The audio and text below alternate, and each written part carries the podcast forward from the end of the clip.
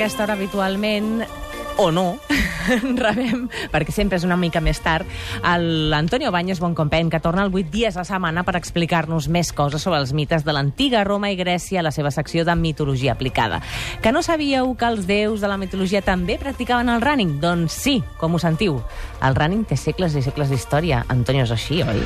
Efectivament, i a més tenim un dels grans protagonistes de la invenció del running, perquè el nostre déu, eh, diguéssim, eh, que invoquem sempre i que guia aquesta secció, doncs va ser l'inventor de les carreres. Ah, en sèrio? L'inventor de l'esport, l'inventor de la música i l'inventor del running. Això aquí, el pesadet aquell que us ve sempre? Ah, que, efectivament, aquest senyor que ve i que marxa corrents, eh, que té unes, unes, eh, unes sabatilles esportives amb ales... És cert, com les de l'Arare, una mica. Efectivament, efectivament, és el déu Hermes.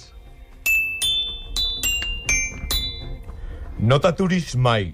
No importa el que estiguis atravessant. Lo important és anar avançant. Esforça't en descobrir els teus límits i el teu potencial. Et mantindrà viu.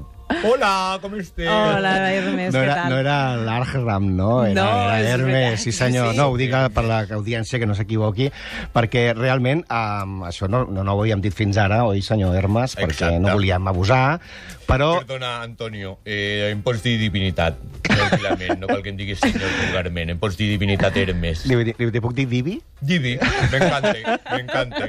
Fem una genuflexió si cal, eh, també. No us preocupeu, no us preocupeu. Doncs, uh, efectivament, el déu Hermes va inventar dos de les coses fonamentals, bueno, tres dels elements fonamentals per qualsevol runner. Uh, ja ho hem dit, les sabatilles esportives amb ales, o que Sí. funcionen de manera Mira, espontània. com aquestes. Oh, i tant. meves, ja les veig, sí, sí. Sí, bueno, i les plantilles no les va inventar vostè. No, encara no, això, això Són no anys i anys de Una córrer. catipen absolutament forta. No m'agraden els compliments.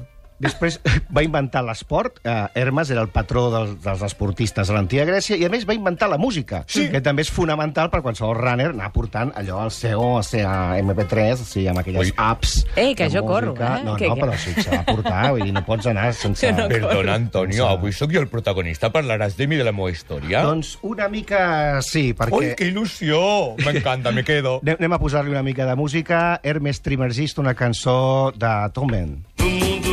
Side.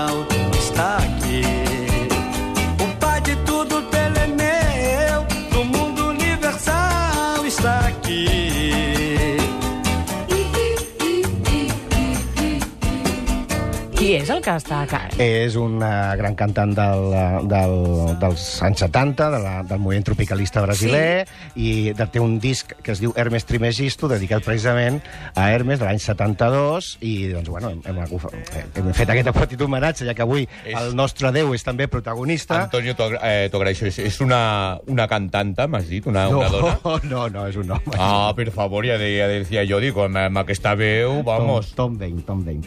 Uh, hi havia dos déus, uh, diguéssim, dos invocacions del déu Hermes si tu Sí. volies sortir a córrer a l'antiga Grècia, no? I, I no et perseguien, si era per gust, no? El primer es deia Hermes en agoni, Sí. que vol dir Hermes en agonia. Vol dir, eh, agonia eh, en, en grec volia dir competició. Uh -huh. Era l'Hermes que invocaven la gent que anava a fer una carrera de competició, no? Però si vosaltres sou runners d'aquests de, de muntanya, que aneu fora de off-limits, diguéssim, pel camp, hauríeu d'invocar a Hermes Enodios, que és l'Hermes de la carretera. La carretera. Exacte, que era el que protegia una mica que no t'atropellessin els cotxes, ni que fessin... Ma, ma, ma, aparta, i tot Els dos sóc jo, eh? Els dos sóc jo. Lo que pasa que pues, me pongo un traje y me pongo el otro. que protegeix a l'Hermes en Agoni protegia els atletes de competició i l'Hermes Enodios protegia la gent que anava per la carretera. Clar, perquè en l'Olimp i en les Olimpiades i en la Grècia antiga això de córrer es portava molt, no? La superació d'un mateix, el demostrar... Clar, sí? O... la- l'agonia, la, eh, la- la- l'agon, era la competició i era, efectivament, eh, el centre de la vida grega. Per als grecs, eh, competir era una de les formes de- de- d'exaltació de, eh, dels grans valors. No, no només que guanyaves premis i diners i tot, que també, un dia, si voleu, ja parlarem dels atletes, perquè eren autèntiques... Messi, al costat dels atletes grecs, era una broma, els hi feien estàtues, els hi dedicaven temples, els hi donaven regal... I tot això la culpa la té el nostre senyor Hermes, que va Sí. inventar l'esport. Sí, senyora. Jo, sóc jo. M'encanta. Divi, Divi va inventar l'esport. Sí, Que senyor. contenta que estic, que estigui... L'honoro, l'honoro, jo també. Fixa't, fixa't si li agradava córrer i va inventar diversos modalitats de carreres que ja quan va néixer, ja va néixer corrents. Keeps on running,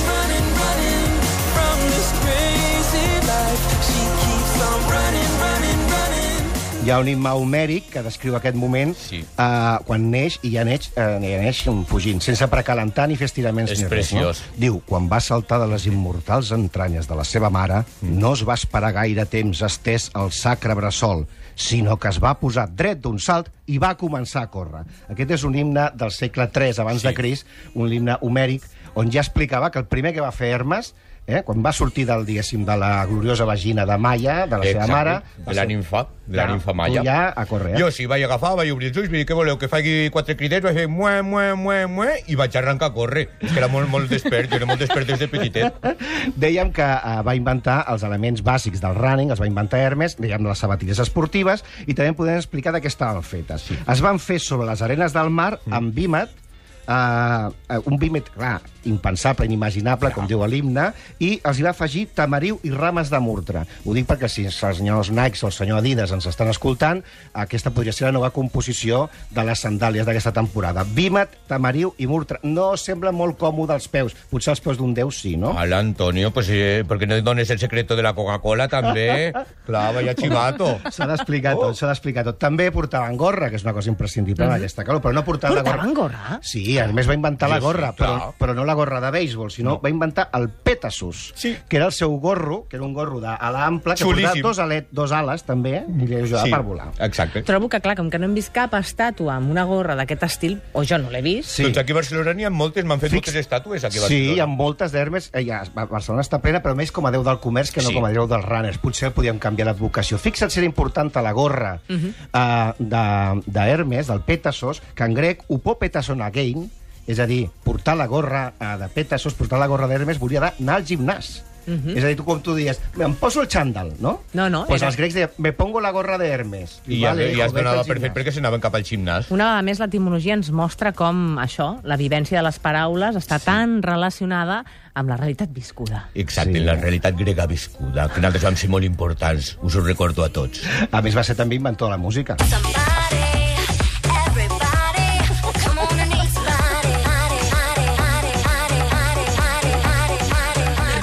Vinga que no pari!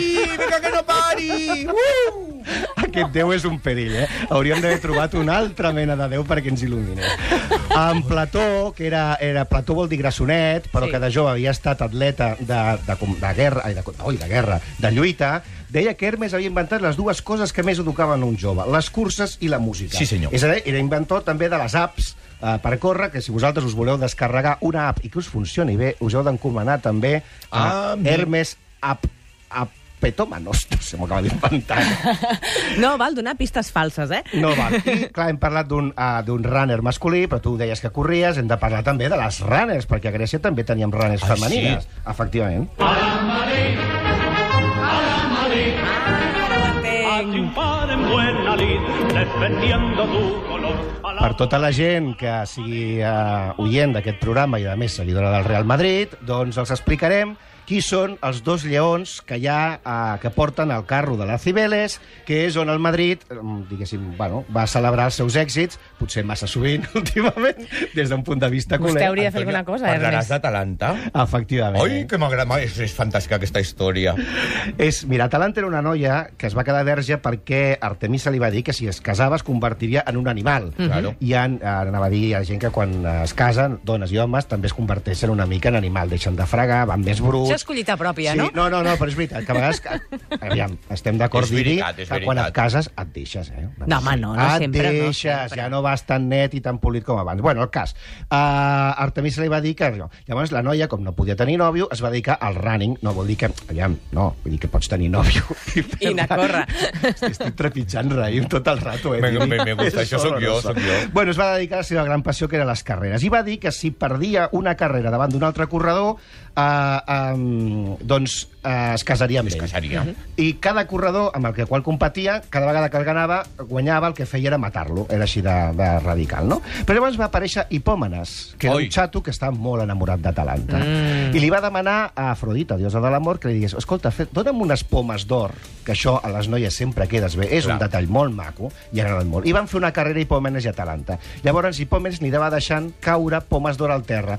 I eh, Atalanta dia, uh, Pom, o sea, Però un fruita per Cartier- mantenir la línia i or per arreglar el meu coll? no, es van anar parant, es van anar clar, parant. no sabem si eren de Cartier o d'Hermès, però és que la noia anava Sí. parant-se i, oi, oh, un altre, un altre pou, un Les anava recollint. Total, que Hipòmenes va guanyar, Atalanta es va casar amb ell i es van quedar absolutament enamorats.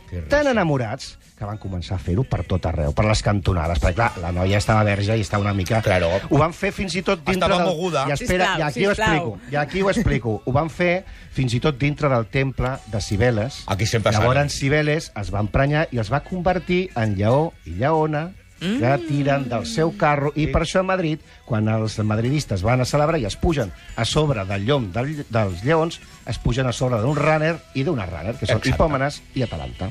Carai, tot molt ben lligat avui, eh? Sí, senyora. Fantàstic, m'ha enca- encantat la història com l'has fet avui, eh, de mi. Quan vulguis més coses meves ho pots dir un dia, pots dir com vaig inventar l'àliguirà, pots, pots dir moltes coses Sí, algun i dia. a més és molt curiós perquè un dels animals sagrats d'Hermes era la tortuga. Sí. Molt poc runners. Sí, Doncs ja ho tenim. La veritat és que un dia més hem descobert que som el que som gràcies als grecs i moltes altres coses. I si anem a córrer, i si anem a trepitjar raïm, i si anem a fer el que calgui, doncs també Ells ja segurament. abans. Vostè també ho veu així, oi, senyor Turà? Jo m'he quedat acollonit. Per Molt què? interessant. A mi perquè és interessant, jo no ho sabia, tot això dels grecs. Oh, i tant. Doncs escolta, la setmana que ve més, què li sembla? Som-hi, som-hi, aquí serem.